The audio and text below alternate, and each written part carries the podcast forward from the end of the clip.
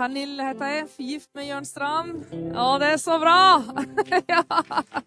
Halleluja.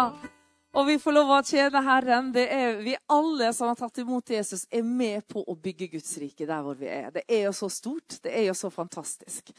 Eh, og eh, jeg fryder meg så Jesus. Han er så god, og det som er så sterkt, det er at til eldre det blir, for hver dag du går med Herren, så, så er han der. Kanskje enda sterkere.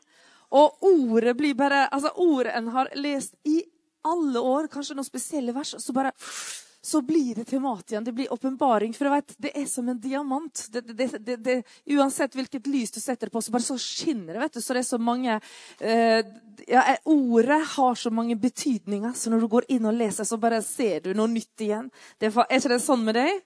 Amen. Du kjenner det igjen. Hvis ikke du kjenner det igjen, og du syns det er litt sånn tungt med ordet, så kan du be Gud hjelpe deg å få altså, som om det er mat for deg når du leser ordet. Jeg har sjøl opplevd det i mitt liv. Jeg trodde en tid at det var bare eksnarkomane som kunne oppleve det. Fordi Jeg var jo gift med en eksnarkoman, og våre venner var eksnarkomane. Og de hadde jo så sterk åpenbaring av Guds ord. Og alt var sånn, og jeg bare hmm. Og jeg, jeg, jeg fikk ikke det på samme måten. Så ba jeg til Herre, om det er mulig, så, så kan, kan, jeg få lov å oppleve det. Så fikk jeg dette. I løpet av en uke så hadde jeg, jeg hadde penicillinkur, var skikkelig syk. Og på den tiden så hadde ikke vi TV, og takk og lov for det. og da hadde vi bare Guds ord. Og jeg satt og leste Guds ord, og Gud helbreda meg, ga meg bønnesvar i løpet av den uka der. Så jeg, jeg, jeg bare opplevde at jeg fikk Den hellige ånd av ild. Jeg var jo åndsdøpt, men jeg fikk ilden i mitt liv. Og det var så deilig. Og da plutselig når jeg leste det, så så, så jeg så ordet. Jeg kjente mm, akkurat som bestefar hadde sagt. Mm.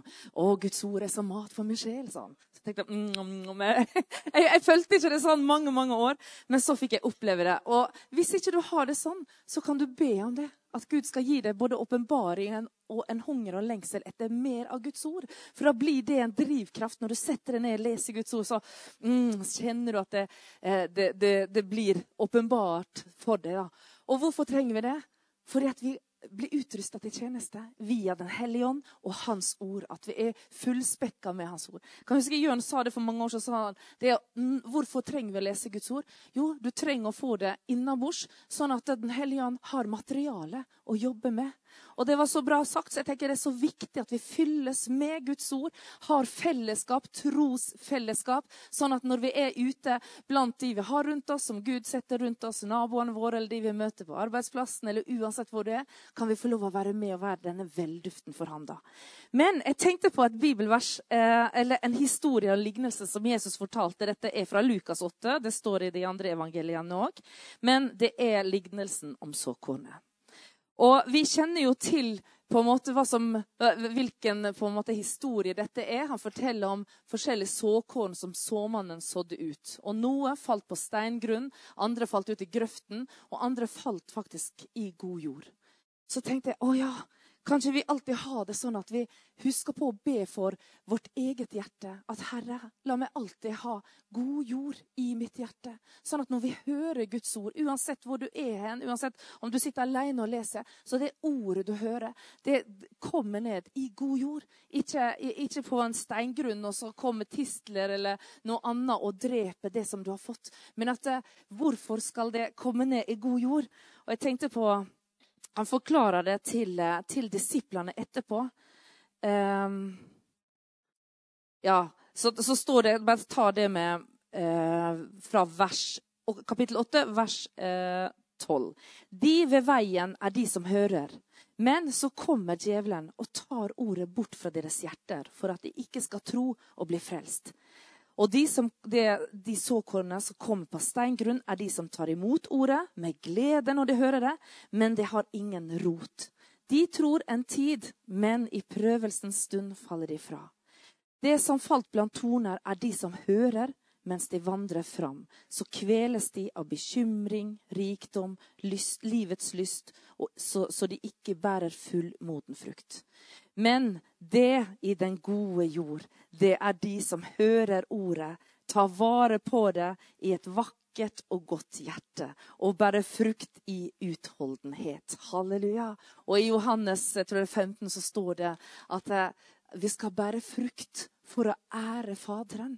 Og det at vi bærer frukt, det at vi har gode frukter i våre liv, det er ikke for at vi skal bli noe sjøl, det er for at han skal bli æra. Og det er så sterkt, så, så, da blir det viktig for oss at Herre, la det være god jord i vårt hjerte. La oss få lov å bære gode frukter i våre liv. Noe av det som Jørn talte om i går også, det var, det var så bra. Jeg har aldri hørt det. Og jeg tenkte, hvor har, hvor har du fått din mat fra? Vi har vært i Bulgaria, og han hadde noen gode timer der uh, alene. Vet jeg. Men det, det, var veldig nydelig. Og jeg tenkte, Vi tok et oppgjør. Vi var også innom hvordan Satan holder på å lure oss. For at, uh, Du, du snakka litt om det med, med demoner. Her, her, i Norge så er ikke det så Vi, vi ser ikke vi, vi, er litt analfabeter når det gjelder det med demoner og åndskrefter og sånn. Men du vet, han er så slu, vet du, slangen. Så kommer han, så kommer han inn i her, inn i våre tanker løgntanker, kanskje om oss sjøl. Eller om ja, sånn du tok så, Hvis du har mulighet, så hør preken fra i går. Jeg bare tenker, Det er så viktig at vi er vare hvordan han, sånn at vi klarer å avsløre det. Å nei, det der, at ikke Vi altså vi vil ha oss frabedt å bli brukt av Satan. Ja, altså At ikke vil lar oss lure. Ja, det er sant. Og så får du noen tanker som kan lure deg ut av Guds velsignelse. Eller du får tanker, og så begynner du å snakke om kanskje noen, og så blir ting ødelagt rundt deg.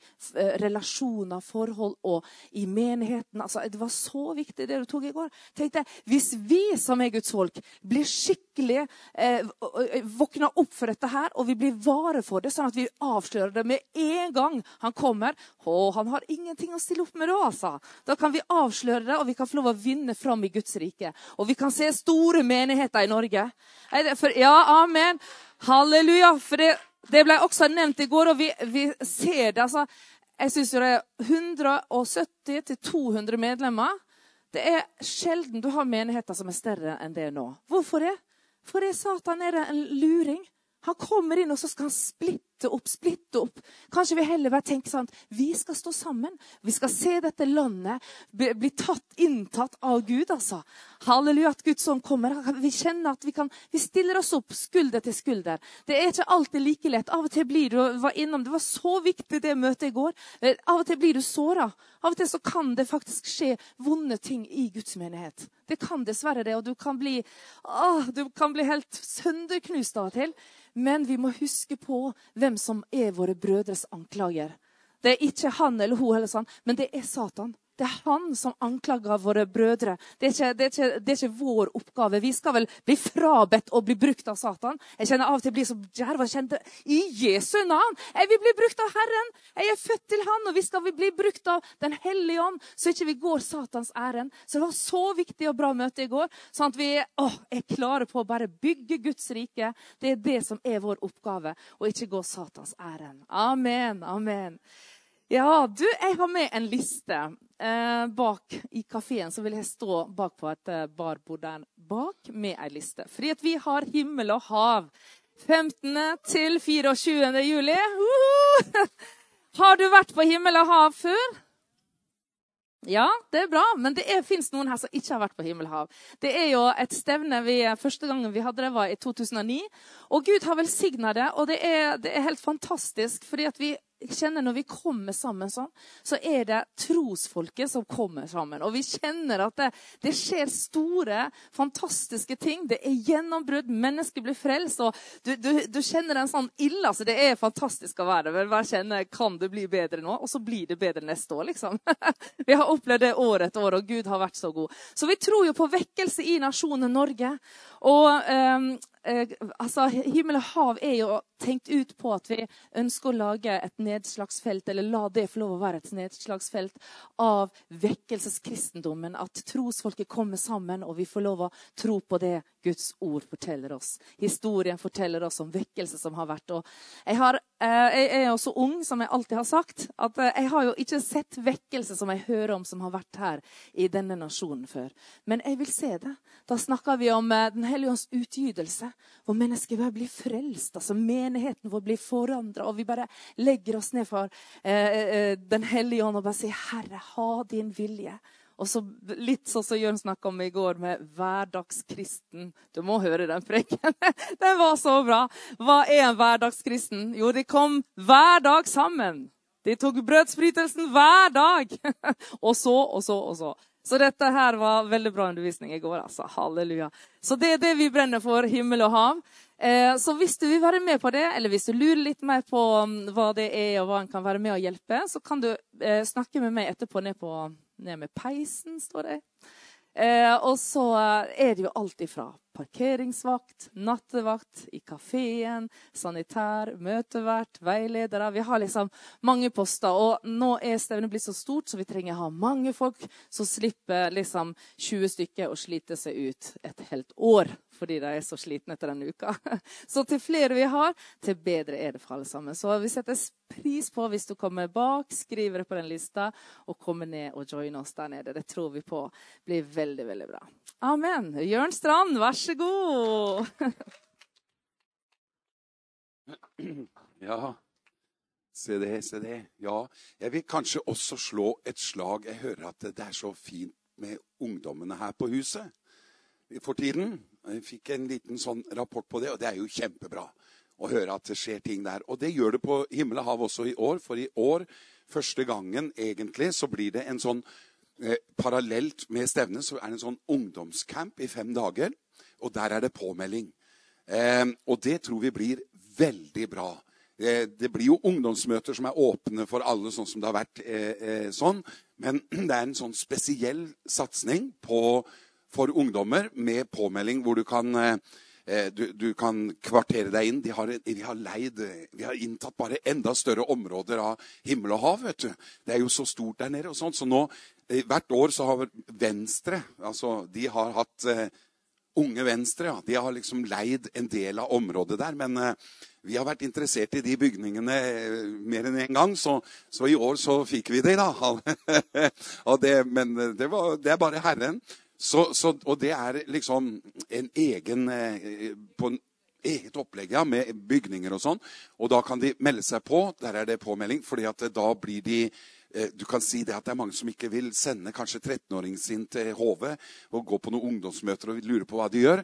Så der er det med full oppakning med, med mat, det er overnatting og det er system. Det er veldig sånn bra forhold, så du kan trygt ta med ungdommene. og De kan faktisk leve litt sitt eget liv der. Masse aktiviteter på dagtid. Undervannssafari, glassbunnkanokjøring og masse greier. Det er trollparkklatring, eller sånn klatreparken. og Det er fullt opplegg på dagtid med, med fellesskap. Jeg kan melde deg på forskjellige ting der. Eh, og så blir det opplegg på, på, med, med, undervisning og full pakke. Og vi opplevde ja, 19. til 23. Det er fem dager der. Og så er de med i, i møtene våre ellers på, på, kvelden og sånne ting. Men de har der det fellesskapet. Eh, ja, du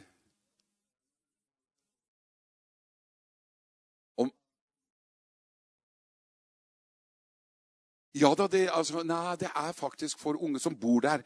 Men de voksne bor jo parallelt. Vi har leid hele området der.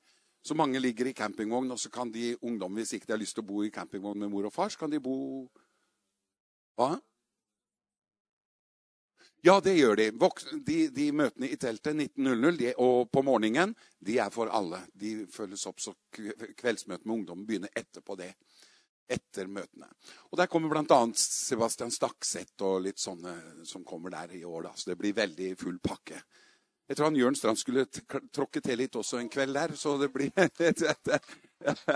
Så det, det, blir veldig bra. Vi tror det blir veldig flott. Og hvis du vil melde deg på det, så bare gå inn på hjemmesida vår, som er efasenteret.no. Og så går du inn på der det står en sånn himmel og hav, står det, og så står det ungdomsmøter. Klikker du inn der, så kommer du rett inn på en, eh, side som heter Youthcamp. Og dette er i samarbeid med Jesus Movement, eh, som er en avdeling fra mm, Jesus Church i Oslo, regner jeg med, som er egentlig et sånt skolearbeid i hele Europa. Som, så de som står og drifter det, så der er det jo masse herlige ungdommer som kommer til å stå på der. Og så, ja, Da har vi slått et slag for det. Og der er påmeldingsskjema og sånn. Så spre det så mye du kan.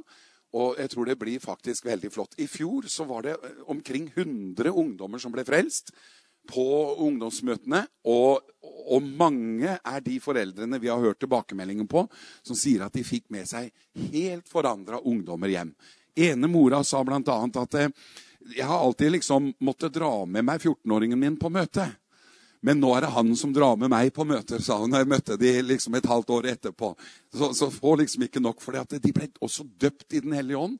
Veldig mange av de som ble åndsdøpt i det. Og det er de veldig gira på.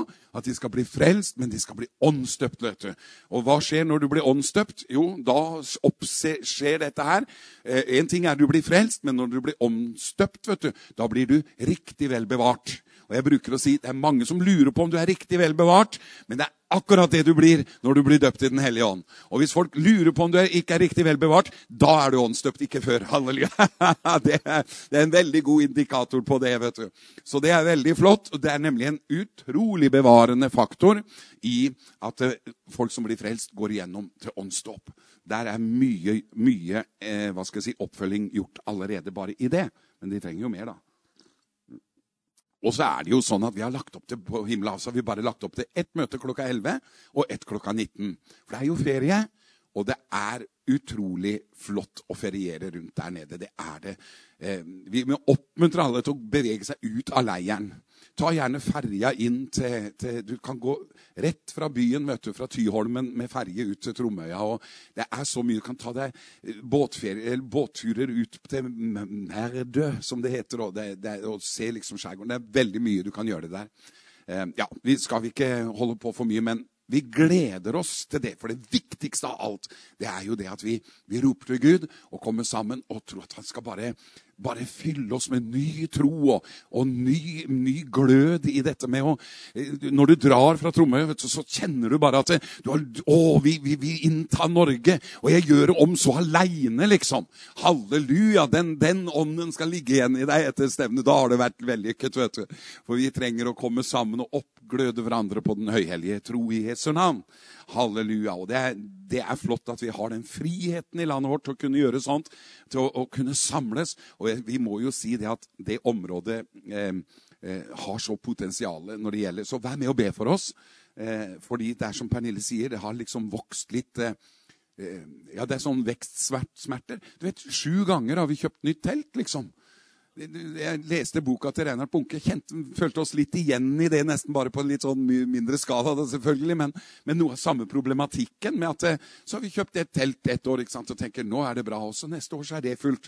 Og så, og så, tenker vi ja, vi kjøper et større, så, har vi solgt det, og så får vi et større, og så neste år så er det fullt, og så er det fullt. Så folk tror jo ikke at det er noe mer folk, for det ser jo like mye ut, men de tenker ikke på bare at teltet er jo mye større, og så er det like mye folk, liksom. Så, så nå har vi kjøpt et telt som kan ta 5200 personer, så nå tror vi det skulle holde for en stund, da. Vi tok og dro til litt. Vi kan ikke kjøpe nytt telt hvert år, så vi får heller ta annethvert, da. Nei da. Halleluja. Halleluja. Å, all ære til Jesus. Så, så, vi gleder oss. Nå har det vært to år med korona, og folk er, ikke redd for koronaviruset lenger. Det var litt forunderlig. Jeg merka at med en gang krigen i, i, Ukraina ble i media, så var det liksom ikke noe mer korona. Det var veldig rart. Så det var liksom krigstype hver dag i to år, og, og, og død og elendighet. ikke sant? Og så kom det en annen nyhet, så, pop, så var det liksom ikke noe mer. Så det syns jeg var litt rart, da. Det stussa jeg litt på. Men nå har vi jo fått vaksiner og alt mulig, og Jesus lever òg. Det det, Dette går bra. Halleluja. altså. Gud er god. Skal vi prøve oss på en liten andakt? Halleluja. Du, Det er så godt å komme og være sammen med dere. Jeg må bare få lov å si det, Runar, at eh, både Pernille og jeg vi er så glad for å komme til Grenland. Det er noe med Grenland. Her har du liksom GKS i den ene enden, vet du. Og så har du troens liv i den andre enden. Kan det bli bedre? Det er helt utrolig. Halleluja. Og så ser vi at både Bjørn Tore og Judith er her, vet du, og vi er så glad i dere. Og vi er så glad i dere. Så vi har ingen lojalitetsproblemer, for vi er én familie, og vi er så glad i Det er noe fantastisk her oppe. Og berika man er, og som har alle disse hva skal jeg si, menighetene. Nå er det jo dere vi kjenner til, da, som har hatt en relasjon til i mange år. Og det er jo bare bevis på at dere er fulle av nåde. altså. Halleluja. Jeg husker jeg var på et møte nede i den der moskeen nede i byen her. Hos Bjørn Tore og de. Jeg har vært på moské før. Ikke nå. det var... Og, og, og, til og med, Jeg husker, jeg, jeg var så ivrig. Jeg har fått, fått, lov å komme tilbake allikevel. vet du. Jeg husker en gang i et møte jeg hadde talt om å gå på vannet. Og jeg var så ivrig vet du, og talte om Peter som gikk på vann, og, og dette i forhold til sykdom. da. Og så satt det jo en kar der vet du, med en sånn krykke. Eh, og, og han hadde visst hatt slag så han, liksom, han, var litt sånn lamma i den ene siden. Og jeg var sånn der, vet du, og sprang ned til ham. vet du, For du vet, ordet er skarpt i begge ender. det, vet du. Så når du forkynner Guds ord, så, så, så gjør det noe med meg òg, forkynneren. vet du. For det er troens ord. vet du. Så når du forkynner Guds ord, så kommer det av troen av forkynnelsen du hører. Eller preken, for den saks skyld. Og så bang, og så så jeg en som satt der med krykka si. vet du, jeg kjente, Og jeg kjente hva, Å, jeg blei så gira, så jeg løp ned til han vet du, i møtet der og, og sier Skal vi gå på vannet, sier jeg til han. vet du, ikke da, Halleluja, liksom. Og regna med han bare skulle si ja, liksom. Og så sa han nei. Og for meg så ble det helt sånn kortslutning. Det var, det var bare så langt ifra jeg, der jeg var. vet du. Han var jo på en helt annen planet enn meg. Og, og, i dag ville jeg kanskje tatt litt mer hensyn til det, for det er jo noe med du skal jo bevege deg i det målet av tro og alt dette her. Men, men jeg var der, vet du. Nei, sa jeg. Og så tok jeg stokken hans, vet du, og så knakk jeg stokken. Nei, gjorde det. Og så heiv jeg stokken, husker jeg, i lokalet. Jeg tror han traff oppå veggen der. Og så, og så la jeg henda på den der, vet du. Og skulle be for beina hans. Jeg trodde han hadde vondt i beinet. Og så idet jeg legger henda på beina hans, vet du, så kjente jeg masse sånn metall. Og så, og så, var det akkurat som et svært fuglebur vet du, opp på beinet, med skruer som, som gikk inn i beinet. Og, og, og, jeg tok opp dette vet du, og tenkte jeg skulle og, og, når jeg så de skruene, og at skruene gikk inn i beinet, da, da kjente jeg at eh, Ja, jeg skjønner. Kanskje vi skal gå på vann en annen dag, tenkte jeg. Ikke hadde jeg skrujern med meg eller noen ting, vet du. Så jeg, jeg hadde, og jeg tror ikke jeg hadde så tro til å røkke av den, det fugleburet, da. Men stokken gikk i hvert fall i veggen nå. Og, og, og jeg, jeg, husker dette veldig, altså. Så, så, det er helt utrolig. Og så tenk, jeg har fått innbydelse tilbake etter sånt nå. Da er det bare Guds nåde over nåde i Jesu navn. Halleluja! Halleluja! Oi, oi, oi. Så det kommer jeg nok ikke til å glemme. Halleluja. Jeg forteller ikke åssen det gikk med mannen. Han måtte på Modum Bad, kan du si. Nei da, nei, nei, nei da, nå må jeg være forsiktig her. Ja, men Men, men. Ja, så sånn kan det gå. Men da er det stor nåde i grenda. Du får lov, tenk og Ja, amen. Så, og her er samme ånd, vet du. at det, Jeg vet ikke hva jeg ikke har kunnet fått si.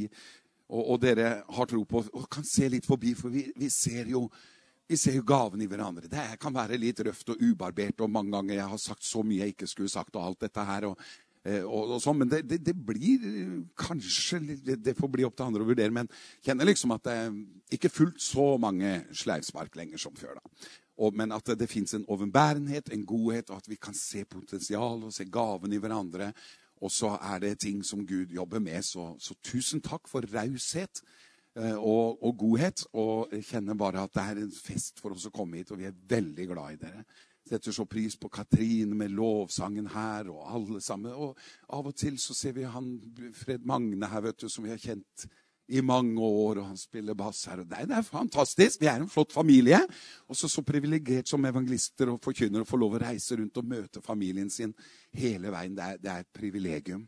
Tenk å få lov å, å, å, å, på en måte leve av det beste som går an. Det er han eh, Håkon Fagervik, som sier at å få lov å reise som evangelist er verdens beste yrke. Og, og, med litt min utgave så er det tenk å få lov å leve av å skryte av Jesus, da. Det er jo bare helt utrolig privilegium. Det er, det er fantastisk. Så vi er så glad for at Gud er den han er, og at vi får lov å være med og tjene ham. Halleluja, Jesus. Vi takker og priser deg for denne dagen. Vi kjenner at du er til stede her, Jesus. Og vi er så takknemlige vi får lov å tjene deg. Vi er dine tjenere og tjenerinner alle sammen, Herre. Og vi ønsker å bli brukt maksimalt. Halleluja. Leve, leve det maksimum kristenlivet, Herre. Sånn at vi kan bære de fruktene som du ønsker og forventer å ha gjort mulig for oss å gjøre, Herre. Takk for Den hellige ånd, som du har betrodd oss og satt ved oss og i oss. Og du vil at vi skal bare lære oss å lytte inn det, Den hellige ånds ledelse og stemme enda mer i våre daglige liv i hverdagskristendommen vår, Herre. Takk for det, Jesus. Takk at du tar deg resten av møtet her nå, og lar det bare bli til ditt navns ære i Jesu navn, Far. I Jesu Kristi navn. Amen. Um, jeg tror jeg vil begynne med å si at um, ja, jeg, Skal vi begynne med Jeg er jo godt i gang her nå, men i Johannes evangelium for mange år siden så, så fikk jeg egentlig no, noe som ble veldig sterkt, og som har vært en tale på, på mange vis i, gjennom mange år. Eh, som jeg egentlig ikke har talt på så mange år. Det er mange år siden jeg snakka om det, den, men jeg ble minnet på det bibelverset her. Og Derfor så vil jeg ta den minnelsen på alvor. Og så legger jeg bort andre ting, og så stoler jeg på Den hellige ånd. Det, det, er så godt å stole på Den hellige ånd. Og Som forkynnere så er det en utfordring for oss også. For det er så lett å ta den prekena som ble så god forrige møte. Du var liksom, du var besøk en menighet, og, det, og så kommer Den hellige ånd og velsigner møtet. Og så tenker du at da tar vi den prekena neste sted også. Og så er det ikke den prekena som skulle være der. og så, så, så det er fort gjort. Og, men en må nullstille seg hele tiden, sånn at vi kan snappe opp disse tingene. Og som jeg var inne på i går, så er det ofte de små små Ja, i det stille, liksom. I de små eh, signalene som ofte viser seg, har jeg min erfaring, at det er Den hellige ånd virkelig i disse tilskyndelsene som egentlig ligger rett foran nesa på oss, og som er så lett å overse. Det er så lett å overse, for Gud er milde, gode, hellige ånd når han taler til oss. Vel, eh, det er i Johannes evangelium kapittel 14 og vers 9 så har jeg lyst også å lese. Og, og jeg har litt lyst til å snakke litt om Jesus helbrederen i formiddag. Er det greit? For det er det han er. Jesus er helbrederen. Eh, det, det, er noe av eh, Hva skal jeg si Det mest gjenkjennelige hvis du leser Bibelen, er at Jesus han, han, Når du leser evangeliene Hvis du skal finne et hovedtrekk på Jesus, så er det Jesus er en helbreder. Det, du, det, det er, du går ikke an å lese evangeliene uten å sitte igjen med det inntrykket at oi, Jesus Kristus han er, en, han er virkelig helbrederen. Jeg vet det var en gammel bok av FF Bosworth som het 'Christ the Healer'. Som har vært egentlig en slags eh, inspirasjonskilde til veldig mange evangelister. FF Bosworth var jo for lenge siden som var en inspirasjonskilde også for T.L. Osborne, som også snart begynner å bli for lenge siden, men som er noe av kilden til den, den flotte forståelsen av og som jeg tror vi trenger videre, at Jesus han er virkelig helbrederen, altså. Og at eh, når den helbredende Jesus er i funksjon, det er forløsning av både vekkelse og andre ting. Og vi ser det i en viss grad, men i mitt hjerte så er det, og har vært helt siden jeg ble frelst, så ligger det bare eh, en overbevisning om at det er noe uforløst potensial som vi kristne i, eh, i, vestlige land skal få se. Jeg tror at vi skal få se mye mer tegn og under og mirakler iblant oss. Og, og, at dette er noe som kommer til å eksplodere i Guds menighet. Fordi det er for mange som ber til at det ikke kommer til å skje. Vi ber om skje din vilje. Det er bønnemøter. Det trenger ikke å være mange på bønnemøtene, men at det er bønnemøter, så blir det bedt. Halleluja. Og bare det er to og tre, så har vi ekstra løfter, så det holder i grunn. Er det en to to-tre stykker i hver menighet, så er det bønn som, som, rører ved himmelen. Og når vi ber skje din vilje, så er det faktisk sånn at eh, i himmelen så på jorden Og vi vet jo alle sammen at det er jo ingen syke i himmelen. Halleluja. Så når vi ber om at Guds vilje skal skje i himmelen så og på jorden, så ber vi om at ingen skal være syke her i menigheten. Amen. Kan vi skrape sammen til skikkelig amen på det? Halleluja. Amen. Og så er det noen som sier at ja, men eh, vi må være litt forsiktige osv. Vi, vi, vi, vi, vi gidder ikke å bruke for mye tid på hva skal vi si, problematikken, men vi registrerer at det er der, for det påvirker oss i forhold til hva vi skal forkynne. Så vi må jo berøre det litt, men ikke gi det for mye oppmerksomhet. Da tenker jeg på hva man tenker. Men vi vokser opp i et land hvor jeg i hvert fall har fått høre at eh, man skal ikke fokusere for mye på helbredelse og, og sånne ting av forskjellige årsaker. Og så skal vi bare være takknemlige, for vi er frelst. Og, og, og sånn. Og det er, jeg skjønner godt tankegangen i dette hele, men det er allikevel feil. fordi at hvis du studerer Bibelen din, og min, så vil vi fort se at eh, du skal ikke lese mange sidene i Markus' evangelium før Jesus er i gang med å helbrede syke. altså. Så når Jesus er på ferde, så er det mirakler på ferde. Halleluja. Han er i går og i dag til evig tid den samme. Så det går ikke an å tro på en Jesus og ikke tro på helbredelse. altså. Halleluja. Og det går, det går ikke an å tro på Jesus og evangeliet og, og, og ha en Jesus som ikke helbreder. Da, da, da, er det noe gærent med Jesusen din. altså. Halleluja. Da er, fall, da er det i hvert fall ikke min, den, den jeg leser om i Bibelen. Og vi vil vel ikke ha en annen Jesus enn den vi finner i Bibelen? vil vi det? Nei, og den Jesus i Bibelen han gjør nesten ikke noe annet enn å holdt på å si, snakke om syke og helbrede syke og vekke opp døde og rense spedalske. eh, liksom, han, han, ga de blinde syn. og han, Det var jo omtrent bare det han holdt på med. Og på grunn av det så ble folk frelst. Halleluja. Og så sier Jesus at sånn skal det være med oss også. Og det er den type kristendom som kommer til å bringe de resultatene vi alle sammen lengter etter. Amen. Halleluja. Og Derfor så må vi sikte oss inn på Jesus helbrederen. Halleluja. Han er her i formiddag, og du kan bli helbreda som bare det her i formiddag. altså. Hvorfor det? For vi tror på Jesus. Halleluja. Vi tror på Jesus helbrederen. Halleluja. Amen. Og det er ikke bra å ikke tro på Jesus helbrederen. Noen tror på bare Jesus frelseren. Men Jesus er frelseren. Men Jesus frelseren er også Jesus helbrederen. Og han helbreder for at du skal bli frelst. Halleluja, blant annet. Da, han, han lamme mannen for at dere skal vite at menneskesønnen har makt til å tilgi synder, sa han til den lamme, stå opp, ta din seng og gå. Så dette henger i hop. Du vet, når Jesus gjør mirakler, så vet vi at han han har makt til å tilgi synder. Halleluja. Så, så, helbredelse bare bekrefter frelsen. Jesus frelser en helbreder for at du skal bli på å si, enda mer frelst, eller flere skal bli frelst. Halleluja. Så dette er ikke noe vi skiller på. Dette er en nydelig harmoni i det hele. Og jeg har lyst til å da lese fra eh, kapittel eh, 9 eh, i Johannes evangelium, kapittel 14 og vers 9. Halleluja. Philip sier til ham Herre, vis oss Far, og det er nok for oss. Jesus sier til ham, Så lenge har jeg vært hos dere, Philip, og likevel kjenner du meg ikke. Den som har sett meg, har sett far, eller Faderen også. da. Her står det far, ja, du bruker den samme som jeg har. Den som har sett meg, har sett far. Så hvordan kan du si 'vis oss far'? Tror du ikke at jeg er i far og far i meg? De ordene jeg taler til dere, taler jeg ikke av meg selv, men far som blir i meg, han gjør gjerningene. Tro meg at jeg er i far, og far i meg. Hvis ikke, så tro meg for selve gjerningenes skyld, sier han. Halleluja. Amen. Jesus vil ikke at vår tro skal bare være grunnlagt på, på doktriner. Han sier det at eh, eh Vi ser det med Paulus også, at eh, når jeg kom til dere, så kom jeg ikke med masse doktriner, visdomstalene og, og, og, og teologi og doktriner og sånn, men jeg kom med ånds- og kraftsbevis. Og så sier han hvorfor det?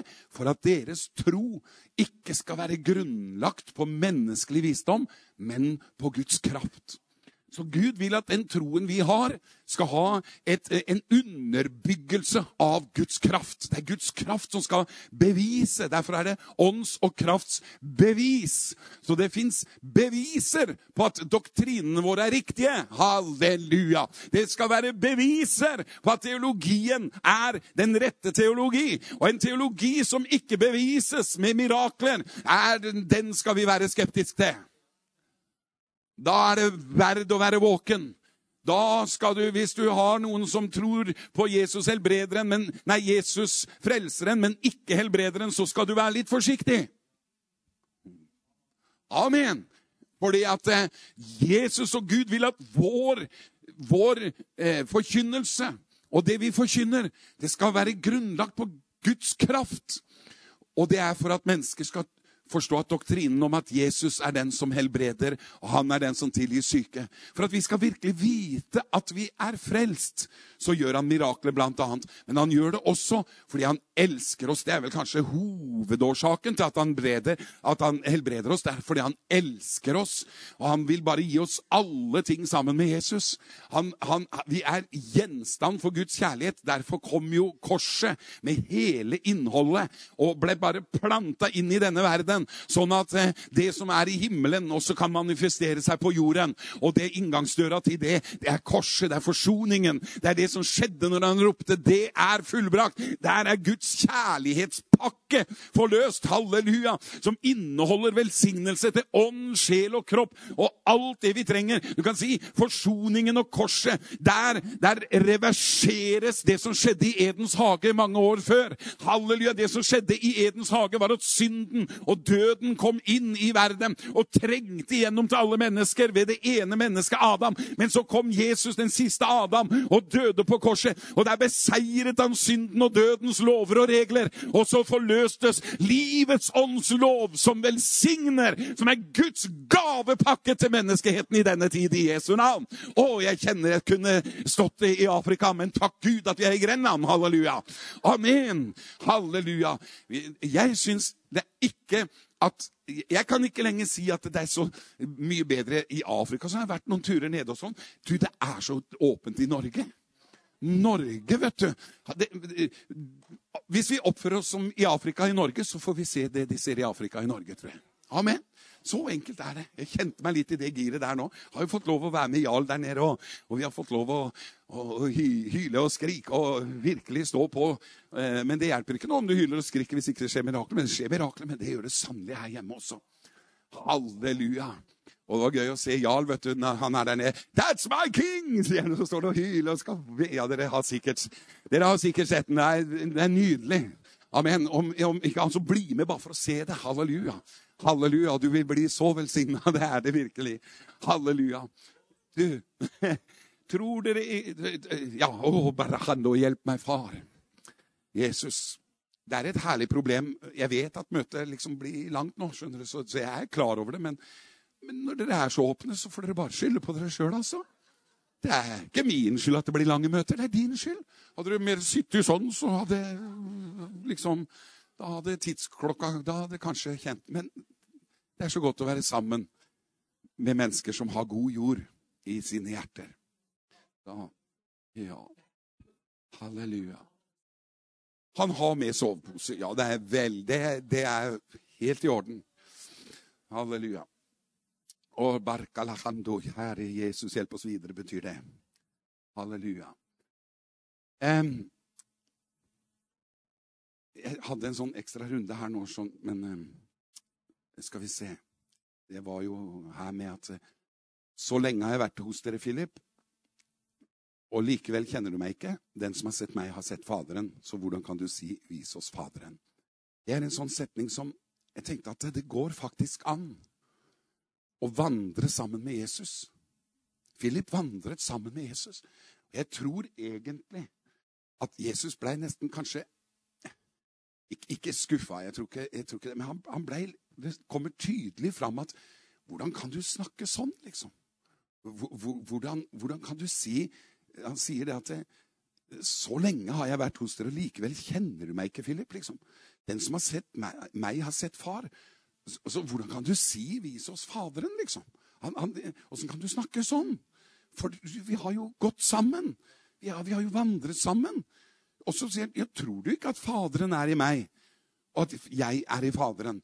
Og, og det var det, for det er sånn at selv om vi også mange ganger vi er, vi er frelst Vi kan gå på møter, holdt på å si gå med Jesus på møter, og være på møter i lange tider.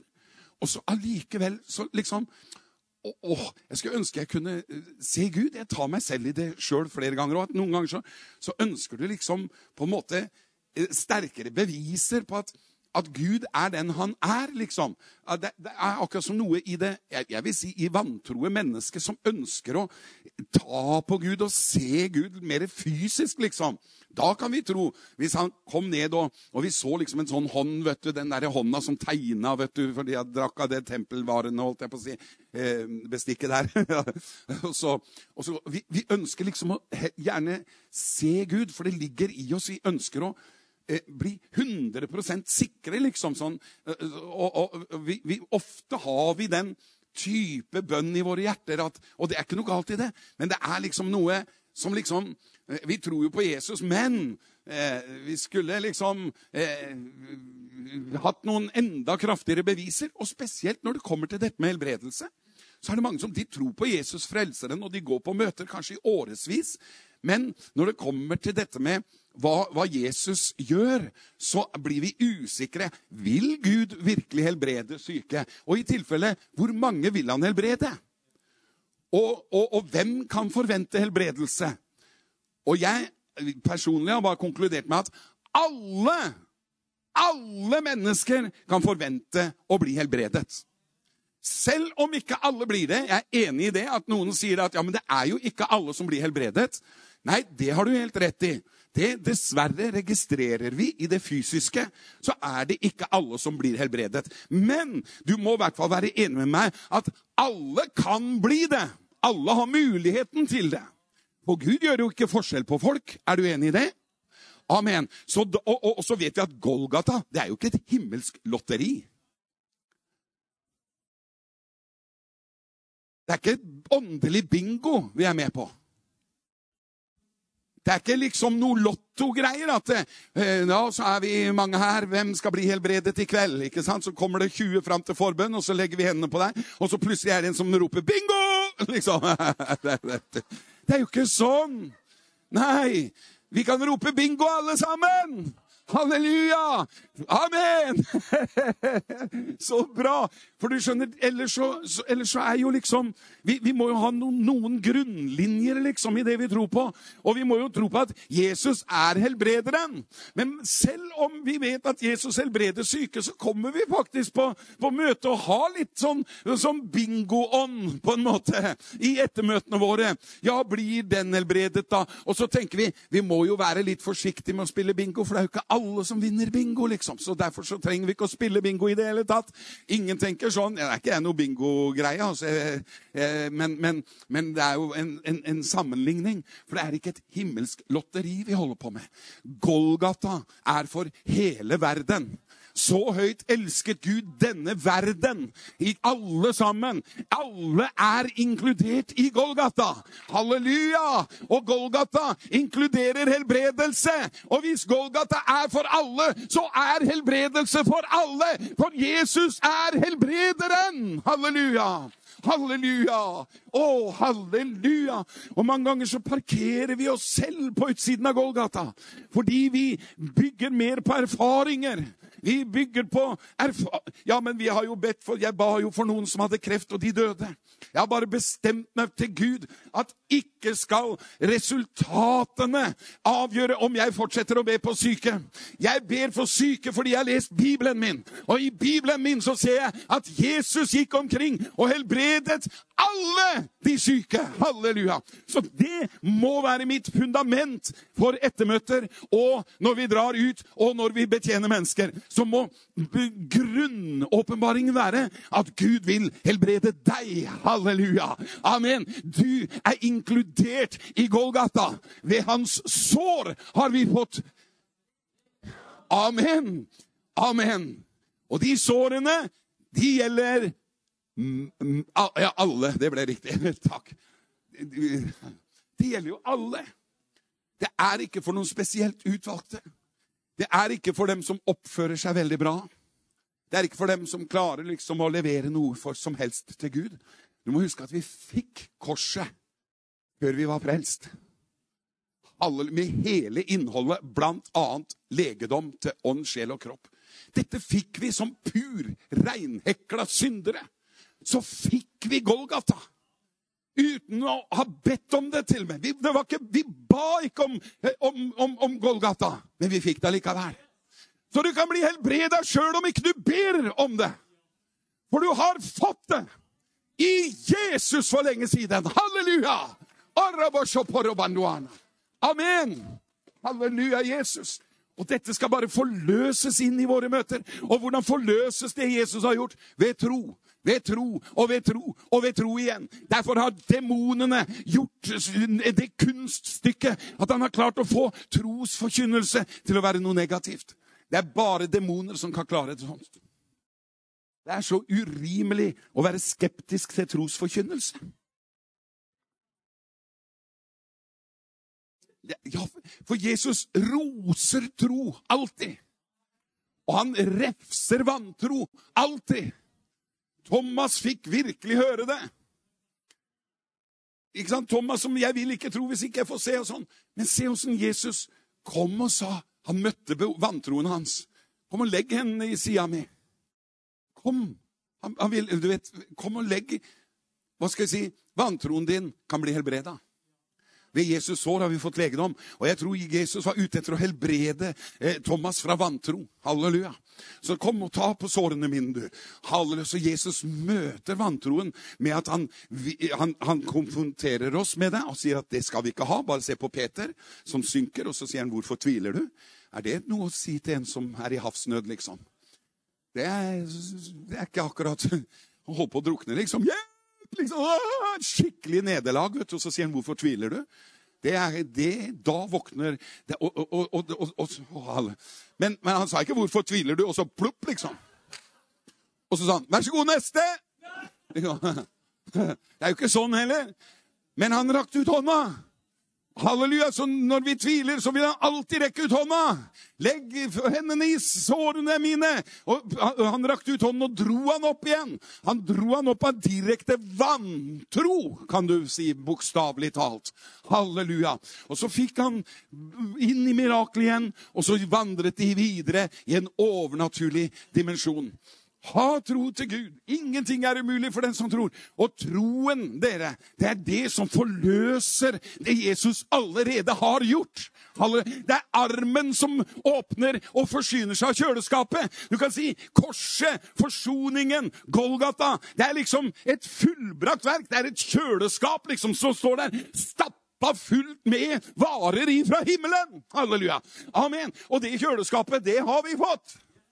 Han skal ikke fylle kjøleskapet en gang til. Det er fylt en gang for alle. Halleluja. Men vi kan ikke sitte og sulte i hjel foran kjøleskapet. Og det er det vi gjør i Skandinavia. Det er fullbrakt som bare det. Og så sitter vi og lurer på hvorfor ikke det skjer noe. Halleluja, vi skal bare si hvorfor ikke det skjer noe. Få armen opp og åpne døra og begynn å forsyne deg av det som er der. Halleluja! Halleluja! Å, og den armen heter tro! Halleluja! Troen forsyner seg av det fullbrakte verket. Amen! Derfor sa han, 'Kvinne, din tro har frelst deg.' Å, hun som trengte seg på, vet du. Halleluja. Blødninger i tolv år og gått til legen og brukt opp alle pengene. Og så bare griper hun tak i armen, trosarmen, rørte bare ved kappa hans. Pang! Så gikk det ut en kraft fra ham som helbreda denne dama uten at Jesus visste om det. Tenk på det. Ja, Visste han ikke om det? Nei. Hvem rørte ved meg? sånn? Hvem var det som eh, rørte borti noen åndelige prinsipper her. Det gikk bare en kraft ut ifra ham. Hvorfor gikk den ut, da? Fordi de satt der og tenkte jeg lurer på om, om det er Messias, det her. For Det skal jo komme mange og si at de er Messias og gjøre store tegn og mirakler. Men vi må være litt forsiktige. Tror du denne kvinnen hadde blitt helbreda da? Aldri! Men hvorfor blei hun helbreda da? Hun trengte seg på. Halleluja, hun sa 'jeg må få røre ved han der'. Det er noe med Jesus! Det, og så hun bare Får jeg bare røre ved han? Hun trodde hvis jeg får røre han, da blir jeg frisk. Og stemte det? Jesus sa alltid 'det skjer deg som du tror'. Din datter er frisk, din sønn er helbredet, din datter er helbredet, din datter er ikke lenger død. Din, din, din tjener er ikke død. Det, alltid så sa han 'det skjer deg som du tror'. Og Derfor så vet djevelen at hvis vi begynner å forstå dette som har med tro å gjøre, da forløses Golgatas velsignelser over nasjonene våre. Og det må skje gjennom oss, dere som tror på Jesus. Vi må virkelig tro på han. Så hvis vi først tror på han, så la oss tro på han i hele pakka, som både frelser og helbreder. Halleluja! For han er like mye Jesus helbrederen som Jesus frelseren. Du kan ikke skille på det her. Det går ikke an. Det er, det er samme person. Og han er ikke spaltet. Nei, Jesus er så, så til de grader harmoni og helhet. Han like mye helbreder som han frelser. Helt likt. Amen. Å, for en nydelig pastor dere har. Åh.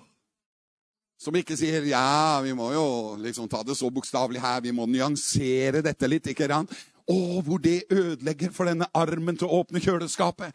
Å, hvor det parkerer mennesker så Men vi, vi, skal se dere Norge forvandlet av Guds kraft og herlighet. Og vi skal se Jesus frelseren bare trone gjennom nasjonen vår og i Europa. Og vi skal bare se at han gjør det, og folk kommer til tro, for de skjønner han er jo helbrederen. Og hvis han helbreder meg, så må han jo leve. Og hvis han lever, så er han jo Guds sønn, for han døde, men sto opp igjen. Og miraklene er beviset på at vi holder på med noe annet enn bare doktriner og, og teologier og, og, og skal liksom krangle om, om, om, hvor stor nåden er, eller Å, kjære Gud i himmelen. Gud i himmelen vil bare bekrefte doktrinene våre med tegn, under og mirakler.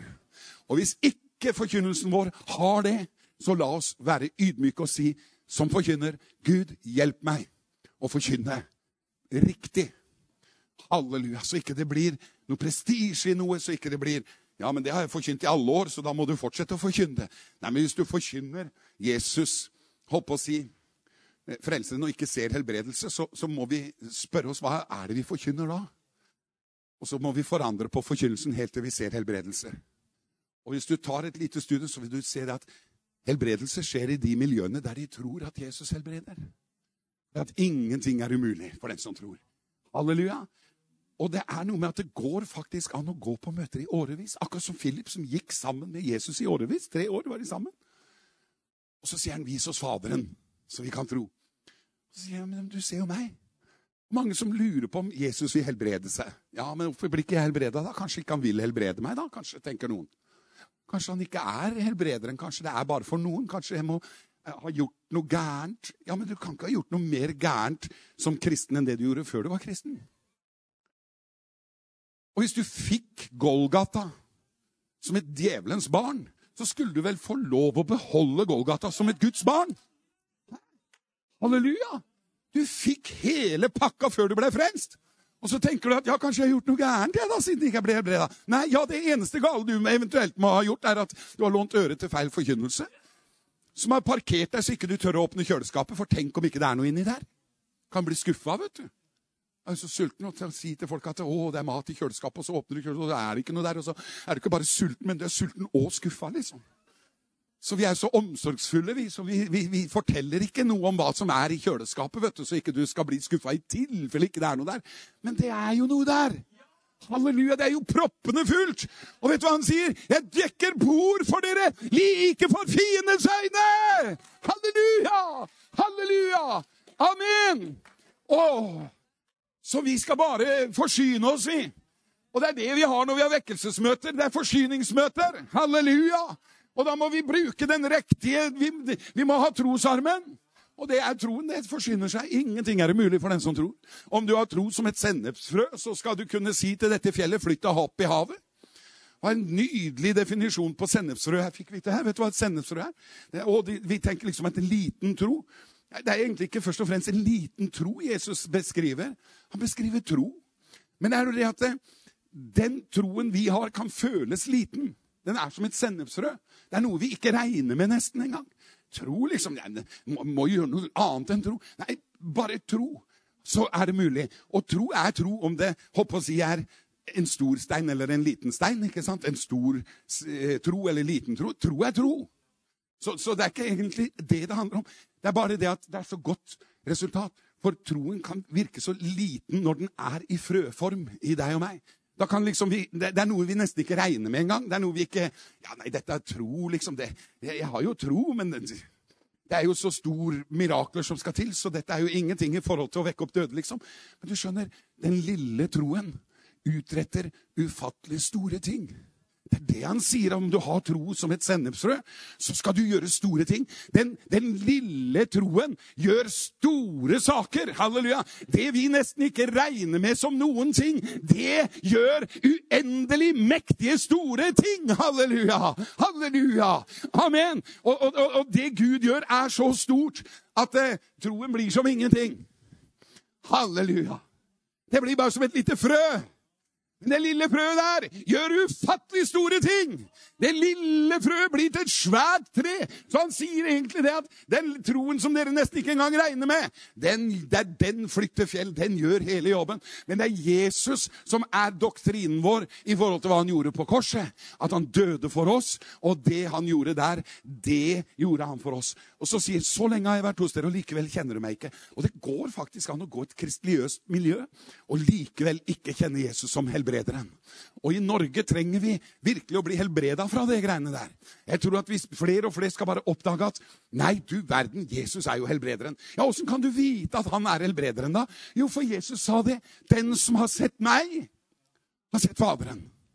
Amen. Så hvis du lurer på om Gud vil helbrede deg Det er mange kristne som går rundt og lurer på om Gud vil helbrede dem. Bare fordi de har blitt, blitt bedt for, så har det ikke skjedd noe tilsynelatende der. Så, så, konkluderer man med at eh, kanskje ikke Gud vil helbrede meg. Kanskje jeg har gjort et eller annet, kanskje et eller annet som sperrer. Og, og ja, er, vi kan, vi kan, jeg vet at nå lå det i lufta det at ja, men eh, tilgi, så skal du bli helbredet. Ja, det er visse sånne ting som, som, som, som etterpå. Men ho, utgangspunktet, troen vår, er grunnet i Golgata. Ikke på vår evne til å be om tilgivelse, men det kan blokkere litt sånn etterpå, det som vi allerede har fått. Men det, det er mer sånne småting. Halleluja. Men den store tingen er at Golgata er for alle mennesker. Halleluja. Det er for alle. Det er ikke et himmelsk lotteri som du ber i ved en forbønn av en eller annen spesiell predikant. Nei, det eneste spesielle med predikanten er at han tror på det Jesus gjorde. Og vi tror at han gjorde det for alle. Halleluja. Ingen er ekskludert ifra Golgata så lenge du vil tro det. Halleluja. Halleluja. Å, jeg kjenner det godte meg langt i min ånd! Halleluja! Å, halleluja! Og, og, og, Norge skal få oppleve denne helbrederen. Vi i Guds menighet skal få oppleve helbrederen. Du skal bli helbreda her i dag! Halleluja, var en her i går som ble bedt for, som hadde krystallsyke, og sa i dag Var det ikke så at du Reis deg opp, lille venn, holdt jeg på å si. Ja, Fikk vi be en enkel bønn for henne i går, og hun har vært svimmel i var det fem uker. Hun har vært eh, krystallsyke svimmel òg. Så våkna hun opp i dag og var mye verre, eller? Var mye bedre. Amen. Halleluja. Det er Jesus helbrederen. Dette er det mest normale. Gi Jesus en god klapp for det der. Halleluja. Halleluja. Det er hans, det er hans natur å helbrede syke. Jesus er helbrederen. Hvorfor det? Jo, fordi at når du ser i Markus' evangelium, så vil du se at han helbreda de syke. Han vekte opp døde, åpna de blindes øyne, rensa de lamme, og det kom til med mennesker som lurte på og, og sa liksom litt sånn eh, eh Nettopp dette her. Eh, å, den, den, skal jeg ha med meg. Å. Det kom en i Matteus eh Vi kan ta Markus 1,40. Der, der, der, ser du Jesus. I Bibelen så ser du Jesus, ikke sant? I evangeliene kan du se Jesus, hva han gjør. Der kan du se. Og så sier Gud, den som har sett Jesus, har sett Faderen. Hvis du lurer på om Gud Fader vil helbrede deg, så må du se på Jesus. Du må ikke se på de som ikke ble helbreda i en forbønnskø. Det er mange ganger det vi gjør. Nei, jeg har vært på sånne møter, og de har vært framme, og de har liksom ikke blitt helbreda. Så det er kanskje noe dypere. Det er kanskje noen åpenbaringer vi ikke får tak i her. og vi må være litt, kanskje, kanskje han skal lære oss ydmykhet gjennom å være syke, kanskje. Ja, da, da vil jeg si god jul og godt nyttår som en broder brukte å si. For du skjønner det at du blir fylt med ånden, så blir du ydmyk. Halleluja. Den hellige ånd gjør deg ydmyk. halleluja. Og opplevelser som gjør at du blir ydmyk, men ikke sykdom. Så ikke at han sendte kreft for å gjøre deg sykdom, for du hadde fått så store åpenbaringer om Golgata. liksom. Det er ikke Bibelens Jesus, det greiene der. Men vi har Bibelens Jesus. vet du hva? Når, det er ganske naturlig å lure på om, om, om, han vil helbrede oss. Det er ganske vanlig. Og du kan lese om det eh, i Markus evangelium kapittel 1 og vers 40. Så står det det kom en spedalsk til ham, som kneler og bønnfaller Jesus og sier, 'Hvis du vil' Legg merke til det her. Han var ikke helt sikker. Han sier, 'Hvis du vil, om du vil.' Og det er mange av oss også som tenker, om du vil, Gud, så kan du jo gjøre det. For vi skjønner jo at hvis Gud vil, så kan han jo gjøre oss friske. Det skjønner vi. Og når vi ikke blir det, da, så begynner vi å lure på om han vil det, liksom. For vi, vi, vi vet jo ikke, for, men vi vet at han har muligheten til å gjøre det. Jeg er sikker på at alle her inne er enig i at Jesus kan helbrede deg. Tror du at, er, at det er mulig for Jesus å helbrede deg? Du som er sjuk, rekk opp hånda og vink til meg sånn. Amen. Vi tror at det er mulig. Ikke sant? For ingenting er jo umulig for Gud. Og da er jo dette en del av ingenting som er umulig for ham. Så, så, så det er en del av pakka. Og da vet vi at, ja, så, at han kan gjøre det. Men så er vi ikke helt sikre på om han vil. Fordi vi har jo blitt bedt for, og det har ikke skjedd noe. Og da tenker vi kanskje ikke han vil av en eller annen forunderlig grunn. Årsaken kan være forskjellig. Og det ser du her. Her ser vi Jesus. Og Jesus sier, 'Den som har sett meg, har sett Faderen. Så når vi nå studerer dette, denne problematikken i Bibelen, for der ser vi Jesus, og når vi ser Jesus, så ser vi Guds vilje. Hvordan reagerer Jesus når han møter mennesker som vet at han kan helbrede, men ikke er helt sikker på om han vil gjøre det? Vet du hva han svarer? Se neste vers. Han er i går og i dag til evig tid den samme. Jesus fikk medynk med han rakte ut hånden, rørte ved ham og sa, 'Jeg vil bli ren'. For en kort preken! Han ikke bare helbreda han, liksom. Det står ikke Jesus bare eh, rørte ved ham og rakk ut hånden, og så skjedde det. Men da, hvorfor, ta litt, Og så straks forlot Straks! Da er vi over i straksmirakler. Halleluja. Se på denne lille, korte prekena. Jesus rørte ved ham. Han rakte ut hånden. Vi må vite at Jesus rekker alltid ut hånden når vi tviler. Det har vi vært inne på. Bare se på Thomas og Peter og resten av gjengen. Han rekker alltid ut hånden. Og Jesus fikk medynk med ham. Han visste ikke, han skjønte at han kunne, men han visste ikke om han ville.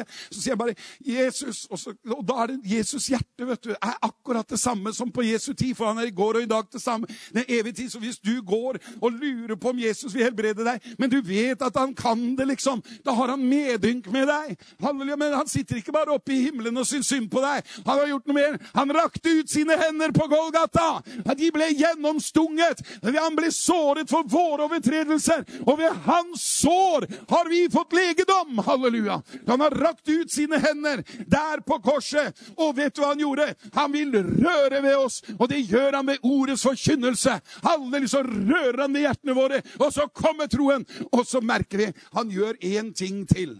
En lille der, så Vi skal ta den tilbake igjen. Det er nydelig. Du gjør en god jobb der oppe. Halleluja. Jeg, sier, 'Jeg vil'. Vet du hva, Det er et nøkkelord. Hvorfor sa han 'jeg vil'? Han sa 'jeg vil'.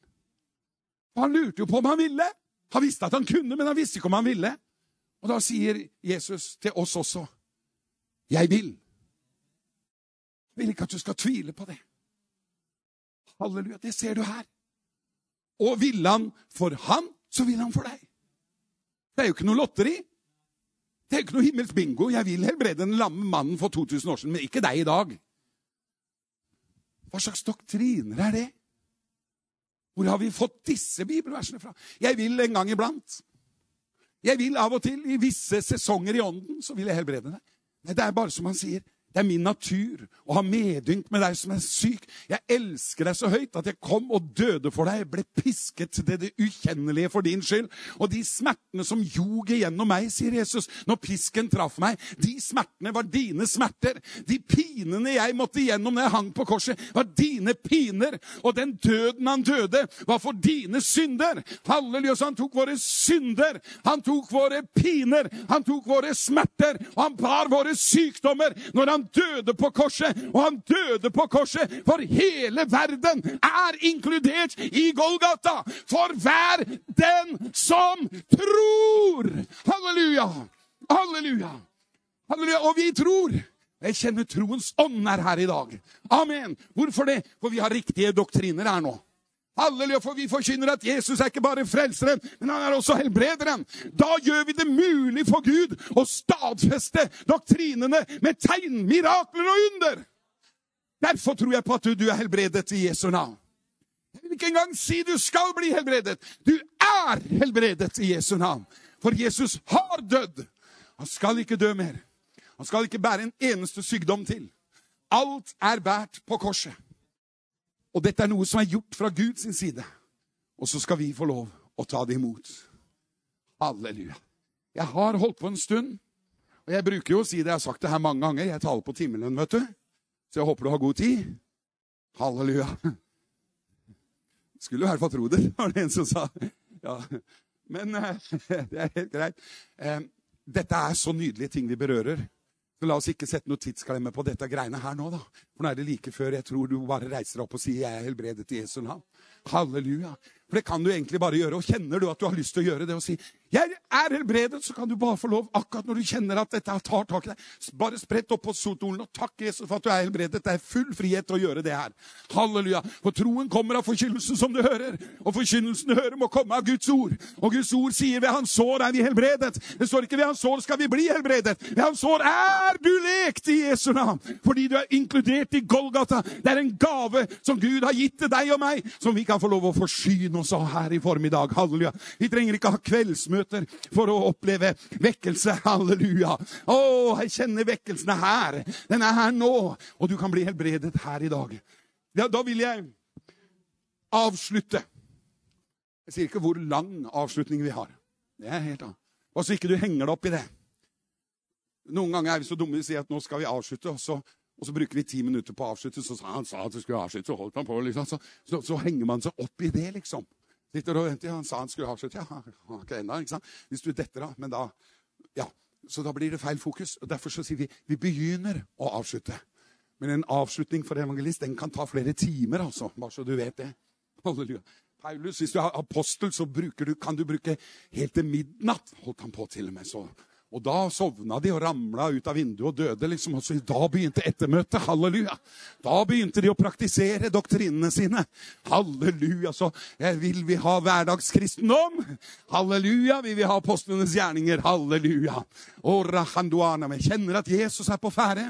Jeg dreier, drøyer aldri ut møtene mine bare fordi jeg er prekesjuk, og sånn, men det er noe som flyter. Og jeg har bestemt meg så lenge det flyter, så flyter det, og da vil jeg flyte med. Og så kjenner jeg også når det, av og til når det stopper. da. Og det kan også ta litt lang tid av og til å kjenne når har det virkelig stoppet, Herre? liksom. Så vi blir flinkere etter hvert. Men la oss aldri la det få for stor oppmerksomhet i Jesu navn. Likevel kjenner du meg ikke. Det går an å være sammen med Jesus, vandre med Jesus, og allikevel ikke fullt ut anerkjenne at han vil helbrede syke. Han vil virkelig det, og han gjør det. Og så, Nå skal jeg si noe som jeg tror jeg har talt om her tidligere. Jeg har hvert fall talt om det på forskjellige stevner og litt på TV. og sånn, og du har kanskje hørt det, men det er blitt så sterkt for meg. fordi vi bor på Sørlandet. Og veldig ofte når vi kommer inn på helbredelse, ikke fra talerstolen, men mer sånn i forum når du snakker sammen og sånn, så har jo alle en mening. Og den er jo ut ifra forskjellige opplevelser og erfaringer i livet eller forståelse av Guds ord.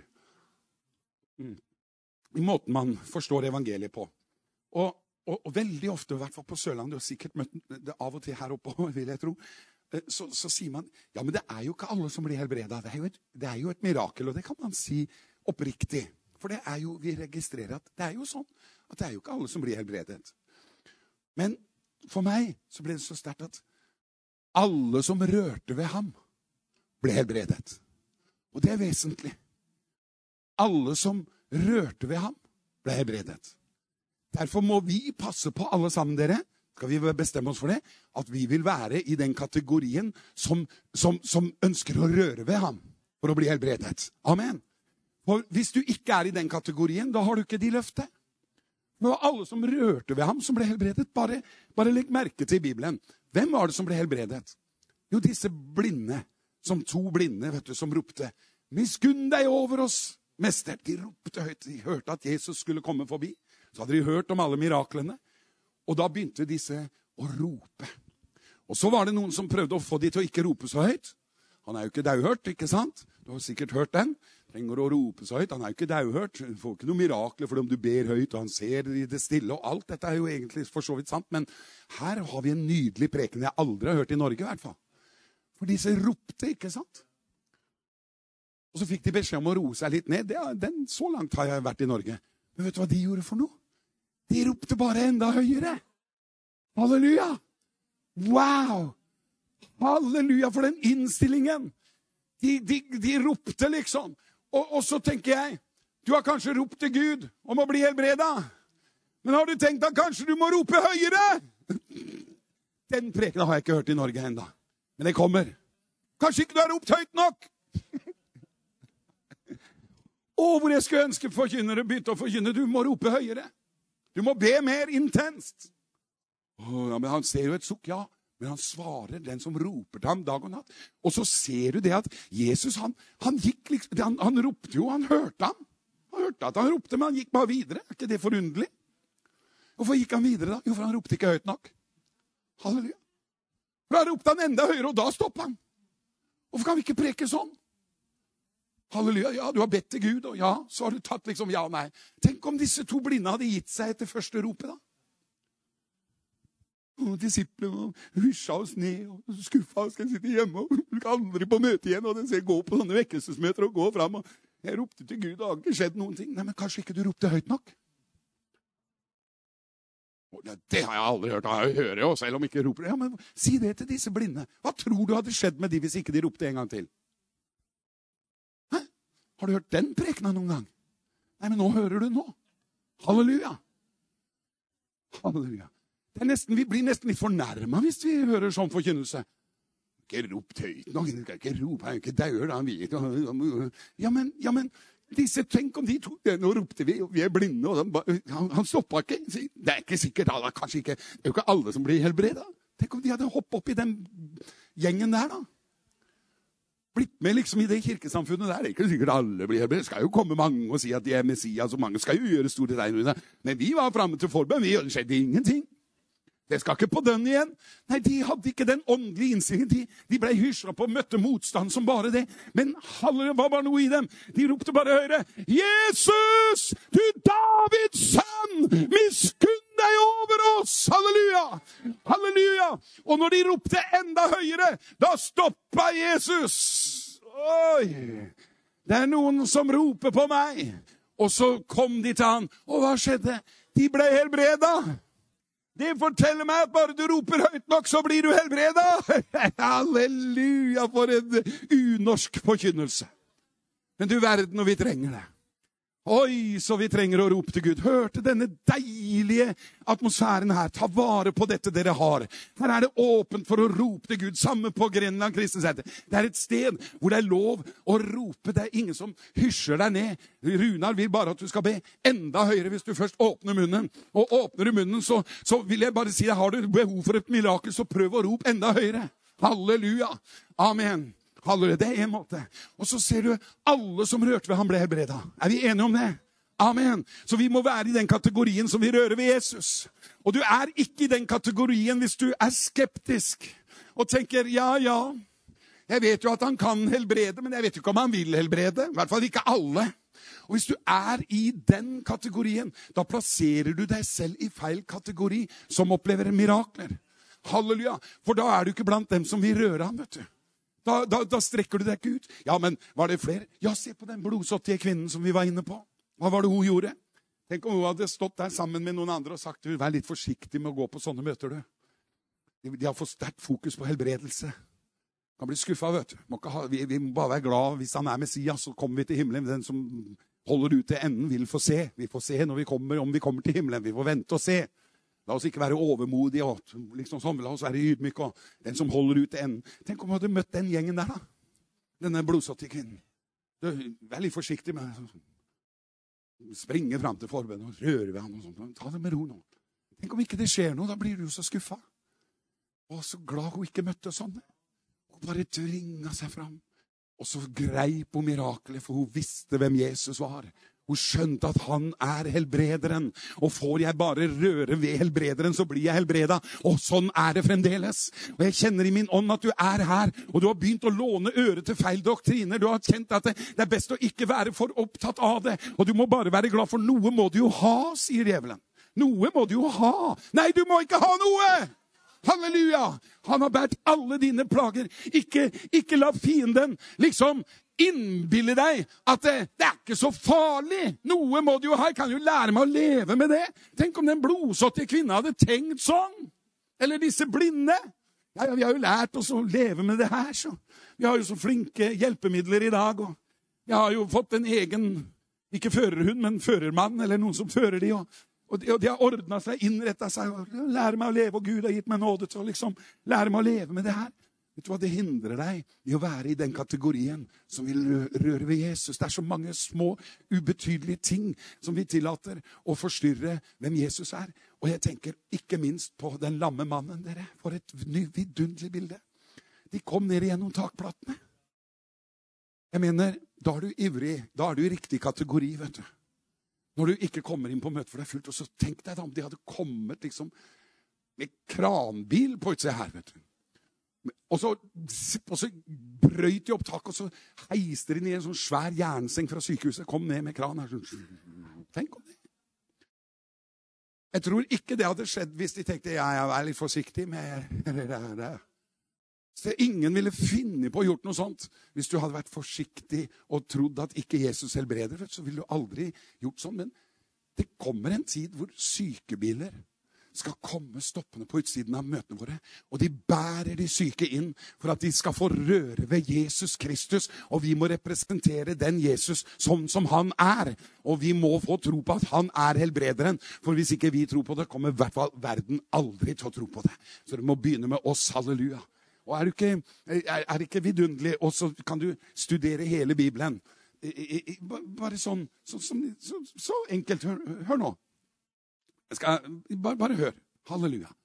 Her står det Om kvelden, da solen var gått ned, førte de til ham alle som var syke og demonbesatte. Og hele byen var samlet ved døren. Han helbredet mange som led av forskjellige sykdommer, og drev ut mange demoner. Og han tillot ikke demonene å snakke, siden de visste hvem han var. Og så står det i vers Det er jo ikke rart i dag. det står i, det, nå, nå, er jeg bare i Markus evangeliet. Bare gå rett inn i Markus evangeliet. Bare heng på litt. Så jeg er snart ferdig. Jeg kjenner også at vi er der, at vi er ferdige nå. Så skal vi bare avslutte. Men så står det begynte i kapittel 1 der. Så skal jeg bare i full fart rase gjennom noe her. Og så står det i vers 37. Da de fant ham, sa de, alle leter etter deg. Hvorfor leter alle etter Jesus? Fordi at de bringte de syke til ham. Hvorfor brang, bring, tok de de syke til ham? Hvorfor gjorde de det? Hvorfor leta de etter Jesus? Fordi han hadde så interessante doktriner?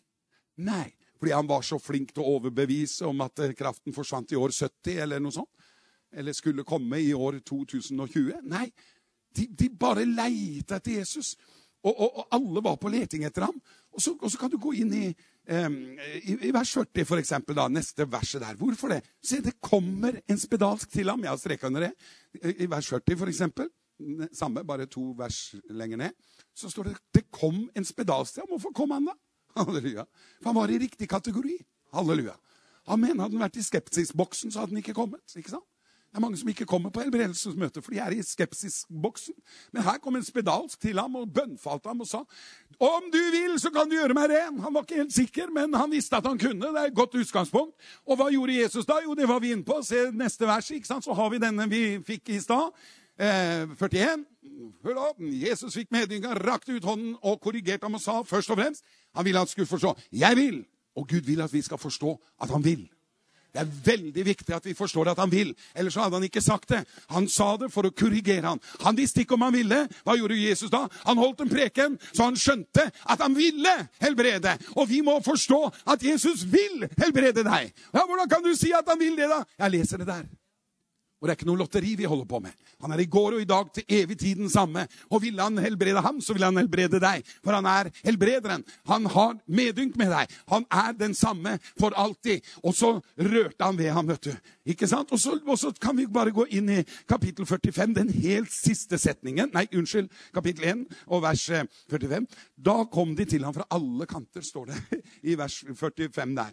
Og så står det i kapittel 2 og, og vers 2 så står det så snart Snart var det så mange som samlet seg at det ikke var plass til å ta imot alle. Ikke engang ved døren. Og det, ikke sant? Så, og så I vers 4, kapittel 2, vers 4, siden de ikke kunne komme i nærheten av ham pga. folkemengden, tok de av taket der de var.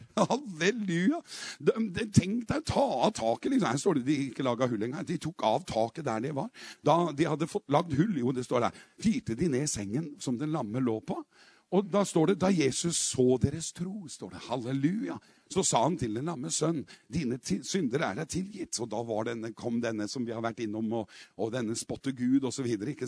Um, og så kommer det der at så taler han til den lamme og sier til deg, stå opp, ta sengen din og gå til ditt hus.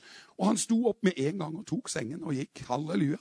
Og så står det i, i, i, i vers 13, deretter gikk han igjen ned til sjøen, og hele folkemengden kom til ham. Ser du? Hele folkemengden kom til ham. Og det er noe når du har skjønt hvem Jesus er, så kommer du til ham. Da er det noe som drar deg til Jesus. Og min kjære venn, jeg vil si til deg, la ingenting dra deg bort ifra Jesus. La ingen ingen erfaringer.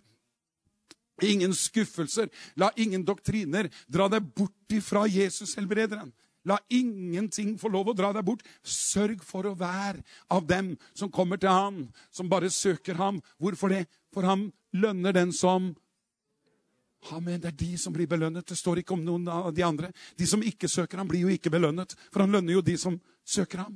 Så du må være iblant dem som søker ham. Og har du en ånd og en holdning av blitt påvirket av demoner til å liksom ikke være så ivrig med disse tingene, så sørg for å ta et oppgjør her og nå. Bestem deg for å være blant dem som søker ham, fordi han lønner dem som søker ham. Kom deg over i den kategorien som opplever mirakler. Og du kan studere Bibelen. Det var en stor folkemengde, står det, som rørte ved ham. Halleluja. I, i kapittel 3 ikke sant? Nå ikke kommet lenger. Og vers 7. Mens Jesus trakk seg tilbake til sjøen sammen med sine disipler, en stor folkemengde fra Galilea fulgte med ham, og de kom fra Jerusalem i, i, i, kapittel 3, eh, vers 8 her. Jerusalem, i Dumea og fra de andre sidene av Jordan. Og de kom med en mengde folk fra trakten omkring, Tyros og Sidon. De kom til ham, for de hørte om alt det han gjorde. Og han sa til disiplene at en liten båt skulle holdes klar for ham pga. folkemengden, for at de ikke skulle trenge seg innpå ham. For han helbredet mange! Halleluja! Og så alle som hadde plager trengte seg på for å røre ved ham. Halleluja, for en innstilling han oppmuntrer oss. Vi skal trenge oss på. Halleluja, du må være, sørge for å være i den kategorien som bare hører om at Jesus er helbrederen. Og det aktiviserer deg. Det gjør at du trenger deg på. Du roper bare høyere når folk hysjer deg ned. Om folkemengden er så stor at du føler ikke du når fram, så trenger du deg bare fram. Gjennom takplater. I halleluja. Hva som helst som prøver å hindre deg. Bare sørg for å ha den innstillingen der. Halleluja. Hvorfor skal du ha den innstillingen, da? Jo, halleluja, jeg bare raser fram så du kan få se det. Um, Rabachandolono med egne øyne betyr det. Halleluja, halleluja. Gud hjelp meg. Amen. Brastolomonialando. Oh, Halleluja. Åh, hør på denne, da. Vi kan stoppe nå. Jeg hoppa over mange som trengte seg på. Gått inn i kapittel 6 og vers, eh, kapittel 6 og vers eh, 54. Eh, hør på dette her. Åh, vi, vi tar det. Det får være siste verset der. Nå går det på siste verset her. Halleluja. Da kom de kom ut av båten. Det her er et nøkkelord. Kjente folket ham fort igjen. Akkurat det ble straks gjenkjent. Du må gjenkjenne Jesus. Hvem er han? Og hva skjer når du kjenner igjen hvem han er? Hvis du forstår hvem han er.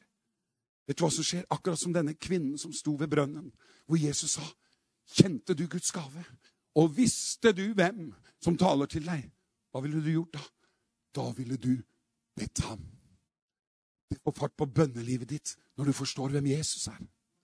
Så lenge har jeg vært hos deg, Philip, og likevel kjenner du meg ikke. Men når du skjønner den som har sett meg, har sett Faderen Å, ja, Gud, da er jo du helbrederen! Da vil jo du helbrede meg! For han sier, om du vil, jeg vil!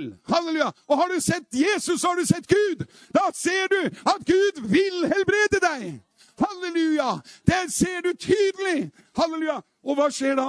Jo, da de kom ut av båten, kjente folket ham fort igjen. Halleluja, han ble straks gjenkjent. Og hva skjedde da, når du kjenner igjen hvem Jesus er? Vet du hva som skjer da? Neste verset. La oss få det opp her. Halleluja. Se på det neste verset hva som skjer når du kjenner igjen Jesus. Skal ikke vi ha sånne forhold i nabolaget vårt? Hadde ikke det vært herlig? Sånne tilstander i nabolaget? Det er litt mer enn å smile pent til naboen hver gang du går på butikken. Eller kanskje klippe plenen. Det er flott gjort. Men det er noe større, noe mektigere enn å bygge en relasjon til naboen. Folk løp omkring i hele nabolaget og begynte å bære de syke i sengene deres dit hvor de hørte hvor Jesus var. Halleluja! Jeg tror ingen skeptikere hadde gjort det. Sørg for å være i denne gjengen her. Halleluja! Vi skal løpe rundt i nabolaget og få med oss folk på møte. For Jesus er helbrederen i Norge! Vi skal se det her, venner. Halleluja! Halleluja, halleluja, halleluja! Oi, oi, oi. Se neste vers 56 også. Ta med hver. Du tåler 56 også. Halleluja. Og de bar de hvor han kom. I landsbyer, byer, til og med om han har kommet til Norge, eller hvor Han gjør jo ikke forskjell på Hvor han enn kom, la de sine syker ut på torgene. Wow. Og de ba om at de måtte få røre om så bare ved minnedusken på kappen hans. De hadde sikkert hørt om denne blodsottige kvinnen her. vet du. Halleluja. De skjønte det, og de bare trengte seg på. Og, og så står det her Alle! Alle! Alle! Si alle! Alle! Som gjorde hva da? Rørte ved ham! Det er nøkkelordet står ikke noe om de som ikke ville røre ved ham. De ble i hvert fall ikke helbreda.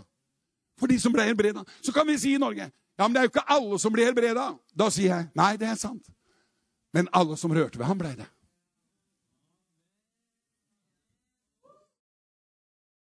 Derfor må vi sørge for å være iblant dem som vil røre ved ham. i hvert fall. Da er du i hvert fall med på muligheten holdt på tid til å vinne i Lotto. Nei, til å bli med i velsignelsen. Amen. Bare, det er bare én ting som gjelder.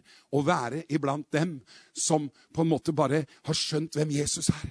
Og har skjønt at han vil helbrede. Vet du hva, Jeg som forkynner, jeg må preke sånn evangeliet at folk skjønner i møtene at han vil helbrede meg. Halleluja. Det er jo sånn forkynnelse. Vi sitter bare hjemme. Jeg, jeg, er jo inkludert i Golgata. Jeg, jeg, jeg, vil bli helbredet. Jeg vet at han kan, men jeg er kanskje litt usikker på om han vil det. Da må vi holde den prekena som Jesus holdt. Jeg vil prekena. Jeg vil, jeg vil, jeg vil, jeg vil.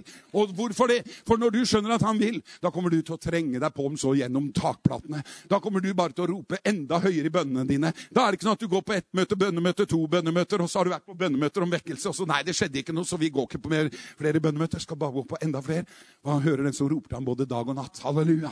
Og han hører den som roper til ham, og han svarer oss, ikke sant? Og så står det her at alle, enhver som rørte ved ham, ble helbredet. Kan vi si et stort amen til slutt her nå? Amen, amen. Og da vil jeg gjerne at dere som spiller og synger, kommer opp, så skal vi be troens bønn sammen. Halleluja. Nå har jeg egentlig holdt en preken som Jesus gjorde, bare jeg brukte mange flere ord enn han. Han brukte bare to ord. Tenk å holde en preken på to ord, da. Jeg vil. Skal vi Ja, så kommer autoriteten. Den autoriteten vi har fått blir ren. Det kan vi si også. Halleluja. Men vi må også forstå det grunnleggende at Jesus er din lege. Og jeg våger den påstand at Jesus vil helbrede alle som rører ved ham. Derfor så vil jeg oppmuntre deg. Hvis du har sånne holdninger som reiser seg opp imot kunnskapen om hvem Gud er Kanskje du har gått i et kirkesamfunn som har hatt doktriner om at det er ikke sikkert han vil helbrede alle. For det er ikke alle som blir det. Og så bygger det på erfaringer av at ikke alle har blitt helbreda.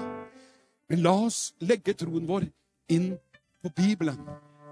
La Jesus definere troen vår. La ikke erfaringer definere din tro. La Jesus definere den. Og hvis du lurer på om Gud er en som vil helbrede, så sier han det rett ut igjennom Jesus. Jeg vil.